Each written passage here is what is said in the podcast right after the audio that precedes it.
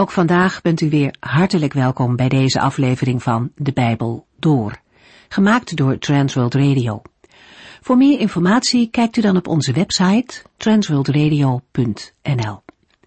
In deze serie gaat u in vijf jaar tijd met ons de Bijbel door, van Genesis 1 tot en met het laatste vers in Openbaring 22. We lezen in het boek van de Psalmen het is een lang boek, zodat we regelmatig meerdere psalmen in één uitzending bespreken. En helaas lukt het niet altijd om in een half uur ook de hele Bijbeltekst te lezen. Dan blijft er te weinig tijd over voor de uitleg. Misschien kunt u van tevoren zelf of na de uitzending de tijd nemen om de psalmen die aan bod komen alsnog te lezen. De vorige keer ging het over psalm 61 tot en met 66. Psalmen waarin we elke keer lezen dat David zijn rust vindt bij de Here. Door alle strijd en moeite heen ademt er toch een vertrouwen uit dat het menselijk verstand te boven gaat. Daarom ook zijn deze psalmen zo mooi om te lezen in tijden dat het moeilijk is in ons leven. Het vertrouwen wat David heeft kan ons aansporen om net als hij deed alles van God te verwachten. David sprak zichzelf toe. O mijn ziel, Zoek uw rust alleen bij God. Hij wilde nergens anders op vertrouwen. Dat was een hele bewuste keuze. En hij werd daarin nooit beschaamd door God. Ook nu is God daarin dezelfde. Hij zal een gelovige die op hem vertrouwt nooit alleen laten. In Psalm 63 verwoordt David zijn vertrouwen als volgt. Ik kan niet zonder u. Uw hand houdt mij vast. Die hand van de Heere God wordt in andere vertalingen de rechterhand van de Heere genoemd. Dat is de hand waarvan ook staat dat God er krachtige daden mee doet. Die sterke hand laat u nooit los. Kleine kinderen willen vaak al te graag zelf lopen, los van hun ouders. Maar zodra er gevaar dreigt, is niet zo veilig als lopen aan de hand van vader. En omgekeerd zullen ouders hun kind bij de hand vasthouden om een gevaarlijke weg over te steken. En zo zorgzaam is onze hemelse Vader ook voor zijn kinderen. Zijn rechterhand houdt u vast. Wij denken verder na over deze liefdevolle en machtige God aan de hand van Psalm 67 en 68. Psalm 67 is een gebed waarin wordt gevraagd dat Gods zegen op een zodanige wijze zichtbaar wordt in het leven van Israël, dat de hele wereld de Heere zal gaan erkennen. Een passende indeling van de psalm kan zijn een gebed om zegen en daardoor wereldwijde erkenning van God in de versen 2 en 3. Daarna in de versen 4 en 5a een refrein, met als inhoud een gebed dat vraagt om erkenning van de Heere door alle volken. In vers 5b wordt als onderbouwing voor dit gebed de heerschappij van de Heere aangevoerd. De psalm sluit af met vers 7 en 8, waarin gebeden wordt om de zegen van de Heere, opdat de hele aarde ontzag voor hem heeft. Psalm 67 spreekt vooral over de toekomstige zegen. Psalm 67 vers 1 Een psalm voor de koordirigent, een lied dat met snaarinstrumenten moet worden begeleid. De psalm is bestemd voor de koorleider. Er moet worden begeleid met snarenspel. Daarna volgt de verduidelijking, een psalm, een lied. Net als dit bij de omringende psalmen 65, 66 en 68 het geval is. Ook bij psalm 67 wordt net als bij psalm 66 geen auteur vermeld. Psalm 67 vers 2 en 3.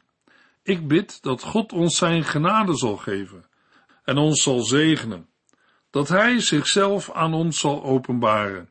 Dan zullen de mensen op aarde weten wat uw wil is, en alle volken zullen door u worden bevrijd.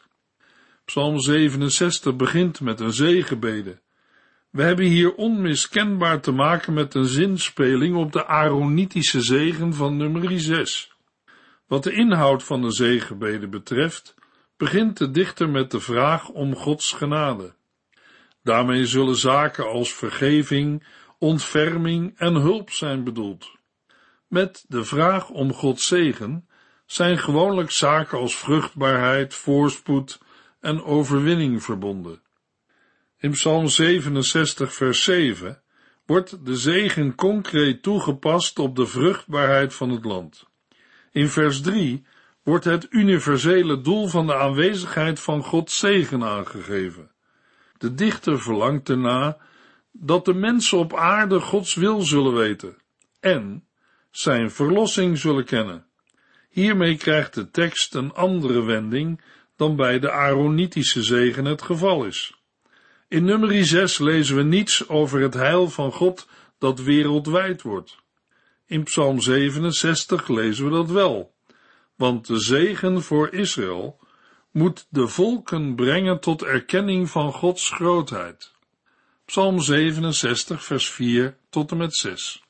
Ik bid dat alle volken u zullen loven en prijzen, o God, dat zij werkelijk allemaal u zullen eren.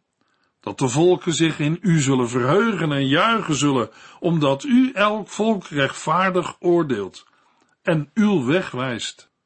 Ik bid dat alle volken u zullen loven en prijzen, o God, dat zij werkelijk allemaal u de lof mogen brengen.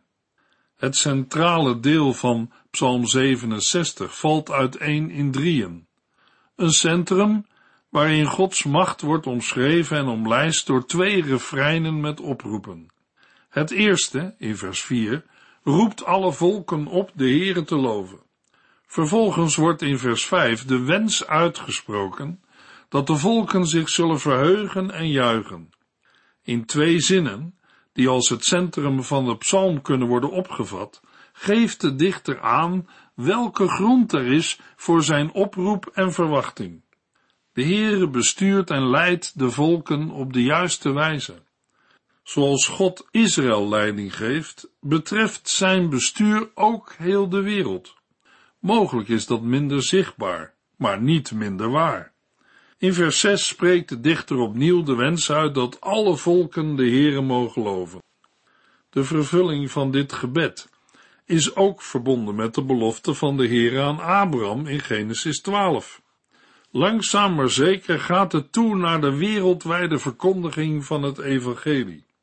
In Jesaja 66 vers 19 lezen we dat de Heere zegt, ik zal een machtig wonder onder hen doen, en zij die aan het oordeel ontkomen, zal ik als zendelingen uitzenden naar de volken, naar Tarsis, Pul, Tubal, Lut, Javan, en naar de landen over zee die niet hebben gehoord van mijn faam, noch mijn glorie hebben gezien. Daar zullen zij mijn glorie bekendmaken onder volken die mij niet kennen. De Heere zal zijn belofte zeker vervullen. De dichter van Psalm 67 bidt dat alle volken u zullen loven en prijzen, o God, dat zij werkelijk allemaal u de lof mogen brengen. Ja, heren, dat alle volken dat mogen gaan doen. Psalm 67, vers 7 en 8. Wij mochten een rijke oogst binnenhalen, omdat God, die onze God is, ons zo rijk zegent. God zegent ons opdat de hele aarde ontzag voor hem heeft. Dit afsluitende gedeelte zet in met de mededeling dat de aarde haar gewas geeft of heeft gegeven. Deze verklaring kan zo worden opgevat dat rijke oogsten een aanwijzing vormen dat God nabij is en zegent. Psalm 67 gaat uit van de verkiezing van Israël, maar beperkt zich hiertoe niet, want via het verbondsvolk wordt gekeken naar de hele wereld. Het is boeiend te zien hoe de dichter van Psalm 67 de Aaronitische zegen uit nummer 6 verwerkt. Terwijl Mozes de woorden uitsluitend toepast op Israël, betrekt Psalm 67 deze woorden ook op de hele wereld. Daarmee lijkt de psalm een weerslag te zijn van de belofte aan Abraham, dat in hem alle volken van de aarde gezegend zullen worden. De voorstelling dat via Israël de hele wereld wordt gezegend, komen we bij profeten uit de periode voor en na de ballingschap tegen. Met deze tekst raken we ook aan de woorden uit het Nieuwe Testament, die het wereldwijde karakter van het werk van Jezus Christus onderstrepen. In hem worden de woorden van Psalm 67 vervuld en wordt de tijdelijke scheiding tussen Joden en niet-Joden, heidenen, opgeheven. Psalm 67 is ook een voorbereiding op Psalm 68, waarin de wereldomspannende zegentocht van de Heer wordt beschreven. We gaan verder met Psalm 68. Psalm 68 wordt door veel Bijbeluitleggers gezien als de meest gecompliceerde tekst uit het Bijbelboek Psalmen. De psalm wordt gekenmerkt door tekstkritische problemen, door woorden die uitsluitend hier voorkomen en door zinnen die geen relatie lijken te hebben met het geheel. De gedachtegang is soms moeilijk te volgen. Al deze zaken hebben tot uitgebreide wetenschappelijke discussies geleid, ook over de oorspronkelijke eenheid van de tekst. Een aantal uitleggers verdedigt dat de tekst een samenvoeging van oorspronkelijk onafhankelijke liederen is. De laatste tien jaar zijn Bijbeluitleggers eerder geneigd de psalm op te vatten als een oorspronkelijke eenheid. Psalm 68 heeft diverse overeenkomsten met oude teksten, als het lied van Mirjam en het lied van Deborah. In Psalm 68 ligt de nadruk op de nabijheid van de Heere en zijn zegen. Zoals de Heere zijn zegen wilde schenken op de Sinaï, doet hij dat nu ook in Jeruzalem.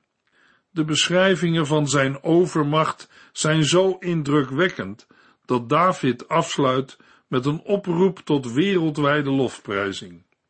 Ondanks alle discussies bestaat er een vrij grote eenstemmigheid over de opvatting dat de psalm negen coupletten bevat. Het eerste couplet wordt gevormd door de versen 2 tot en met 4 en is een geloofsbeleidenis over de Heere die opstaat tot het oordeel. De versen 5 tot en met 7 vormen het tweede couplet en is een oproep tot lofprijzing. Gods verschijning en de daarbij behorende natuurverschijnselen vinden we in het derde couplet, de versen 8 tot en met 11. Het vierde couplet wordt gevormd door de versen 12 tot en met 15 en gaat over de overwinning van de Here in de strijd. De versen 16 tot en met 19 vormen het vijfde couplet, met als inhoud de theologische reflectie op de goddelijke overwinning uit couplet 4. Het zesde couplet, de versen 20 tot en met 24, beschrijven de Heere als bevrijder van zijn volk. De versen 25 tot en met 28 beschrijven een feestelijke optocht ter ere van de Heere en vormen het zevende couplet. In het achtste couplet, de versen 29 tot en met 32, wordt de Heere opgeroepen om in actie te komen. Couplet 9 wordt gevormd door de versen 33 tot en met 36 en is een wereldwijde oproep om de Heere te prijzen. Psalm 68 vers 1 Een psalm van David, een lied voor de koordirigent. Psalm 68 is bestemd voor de koordirigent en staat op naam van David, al wordt dat ook door een aantal bijbeluitleggers bestreden. Een mogelijk aanknopingspunt met het leven van David is de beschrijving, in de versen 25 en 26, van het opbrengen van de ark. Het is kenmerkend voor Psalm 68 dat er in algemene termen over Gods handelen wordt gesproken en de beschrijvingen niet goed zijn te herleiden tot concrete gebeurtenissen.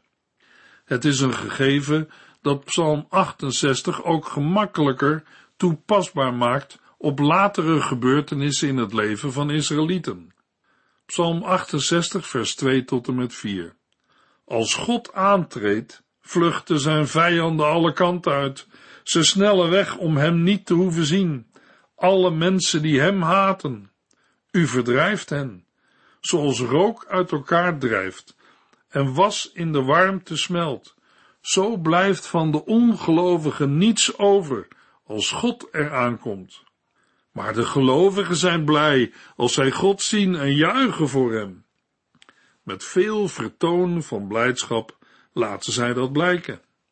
Psalm 68 begint met een beschrijving waarin de Heere opstaat tot de strijd.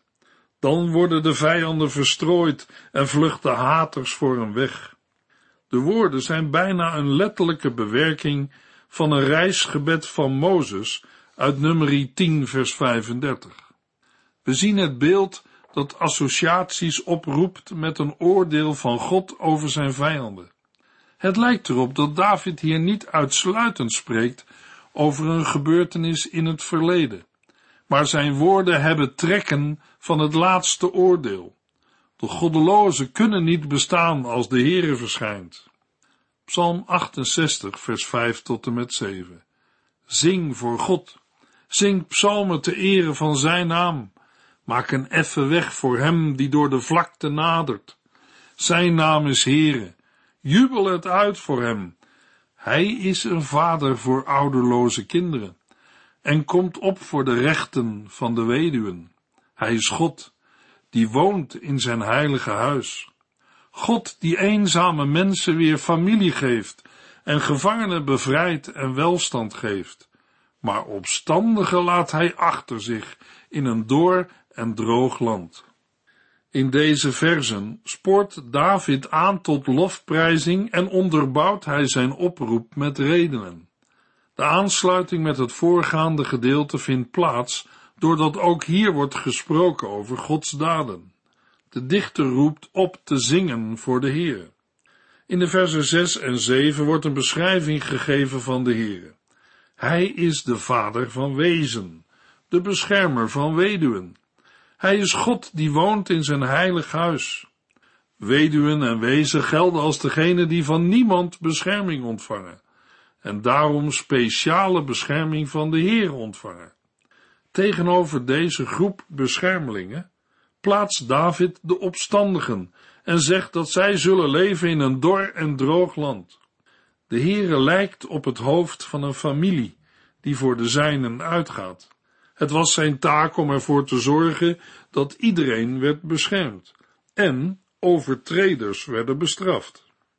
In Psalm 68, vers 8 tot en met 24 wordt in de eerste zinnen, vers 8 tot en met 11, een verschijning van de Heere beschreven.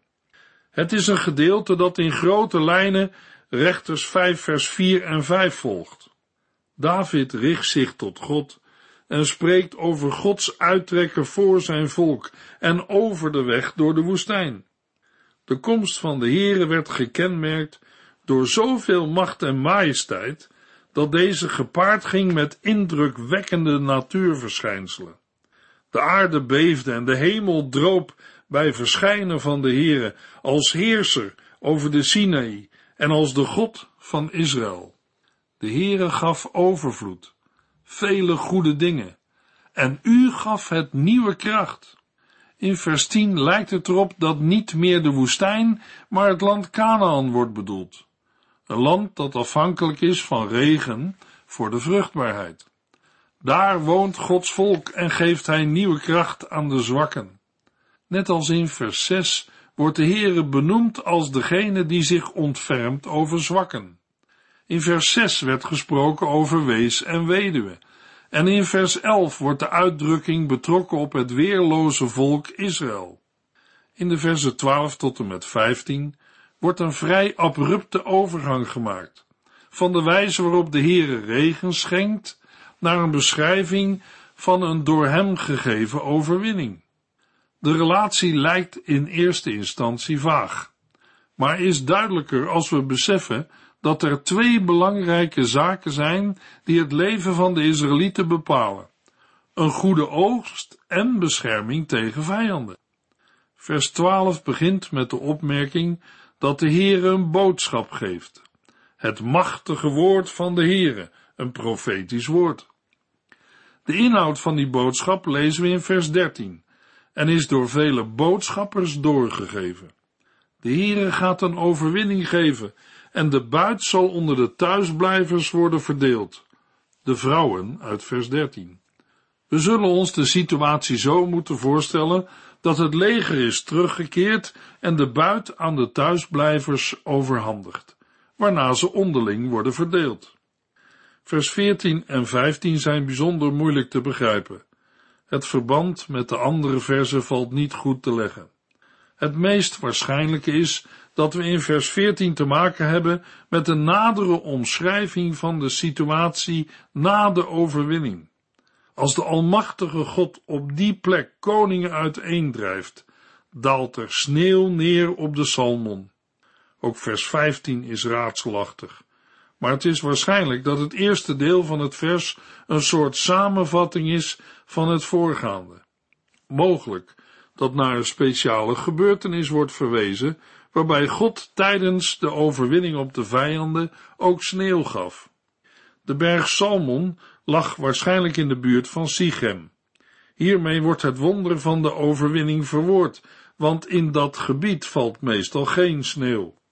De versen 16 tot en met 19 zijn een theologische reactie op de glorieuze overwinning die in de vorige versie is beschreven.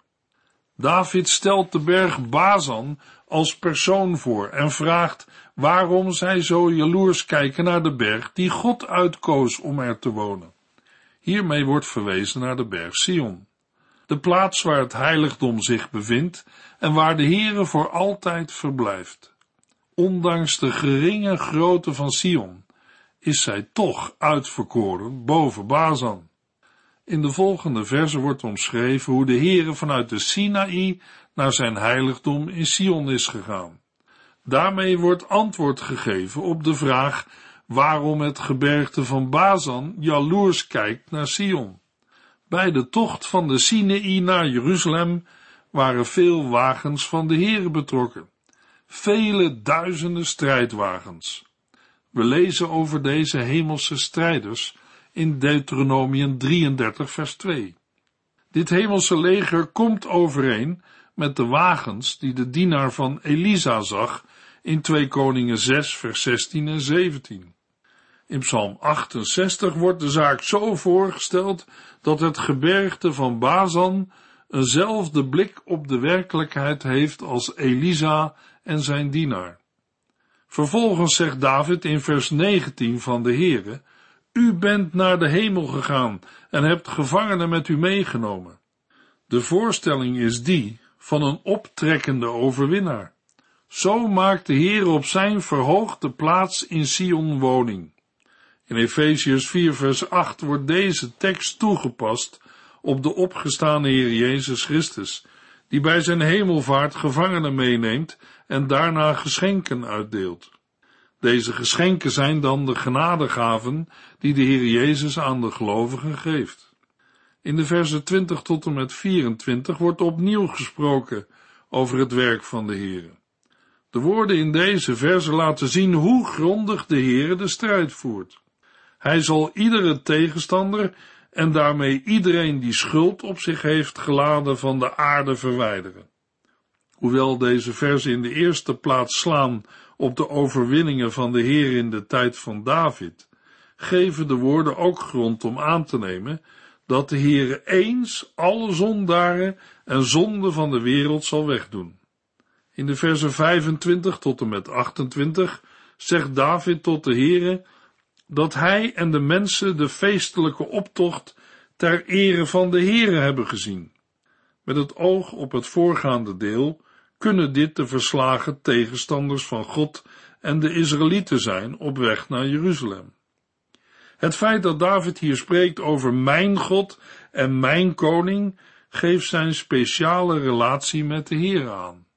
De God die in heiligheid afdaalde op de Sinaï en door de tijden heen vijanden verpletterde, is ook degene die David wil leiden en beschermen.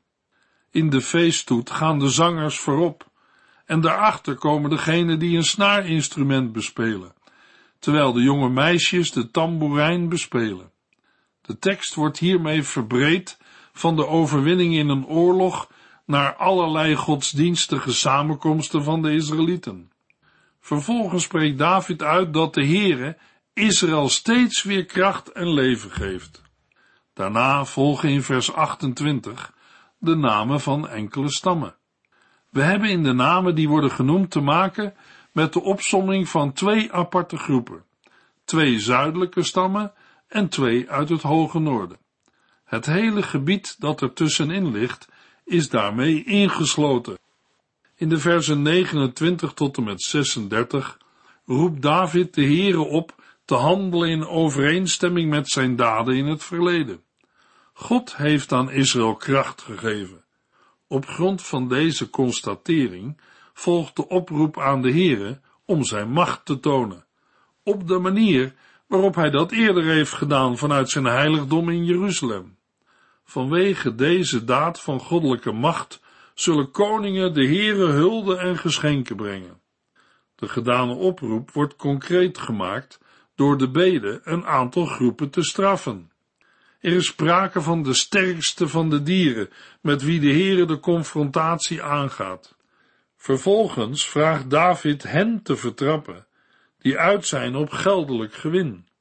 Verstrooi de volken die op oorlog uit zijn. Ook wordt aangegeven dat er gezanten komen uit Egypte en Ethiopië. Mensen uit ver afgelegen gebieden wenden zich tot God en roepen hem aan. Psalm 68 roept de koninkrijken van de aarde op om voor God te zingen en muziek te maken. Aan het slot van de psalm benadrukt David opnieuw dat de Heere vanuit zijn heiligdom regeert en ondersteunt. Psalm 68 vers 36 O God, uw roem en eer zijn befaamd. Men weet dat u in uw heilig huis woont. De God van Israël geeft alle kracht en sterkte aan zijn volk. Wij loven en prijzen onze God. Een kernpunt in de boodschap van Psalm 68 is de relatie tussen wat God in het verleden heeft gedaan en dat wat hij in het heden doet. Ook vandaag mogen gelovigen voor ogen houden dat de Heere door de eeuwen heen zijn macht wil en zal openbaren. De verkiezing van de schijnbaar onaanzienlijke berg Sion geeft aan dat God verkiest ook wat in de ogen van de mensen onaanzienlijk is. Dit geldt nog steeds en mag een bemoediging zijn voor de gemeente van Jezus Christus. Ondanks het feit dat zij in de ogen van de wereld niet in aanzien is, mag zij toch de plaats zijn waar Gods macht zich openbaart. Deze macht beperkt zich niet tot Israël, maar zal uiteindelijk de hele wereld omvatten. In de volgende uitzending lezen we Psalm 69 tot en met 72. U heeft geluisterd naar De Bijbel Door, in het Nederlands vertaald en bewerkt door Transworld Radio. Een programma waarin we in vijf jaar tijd de hele Bijbel doorgaan. Als u wilt reageren op deze uitzending of u heeft vragen, dan kunt u contact met ons opnemen. Tijdens kantooruren kunt u bellen op 0342 478432. 0342 478432. Ook kunt u een e-mail sturen naar de Bijbel door at transworldradio.nl en natuurlijk kunt u ook via de post ons bereiken. TWR, postbus 371, postcode 3770, AJ in Barneveld. Dit programma werd gepresenteerd door Cor Weda en Ike André. Techniek was in handen van Odin van Voorkom. En wij allemaal bedanken u voor het luisteren. Graag tot de volgende keer.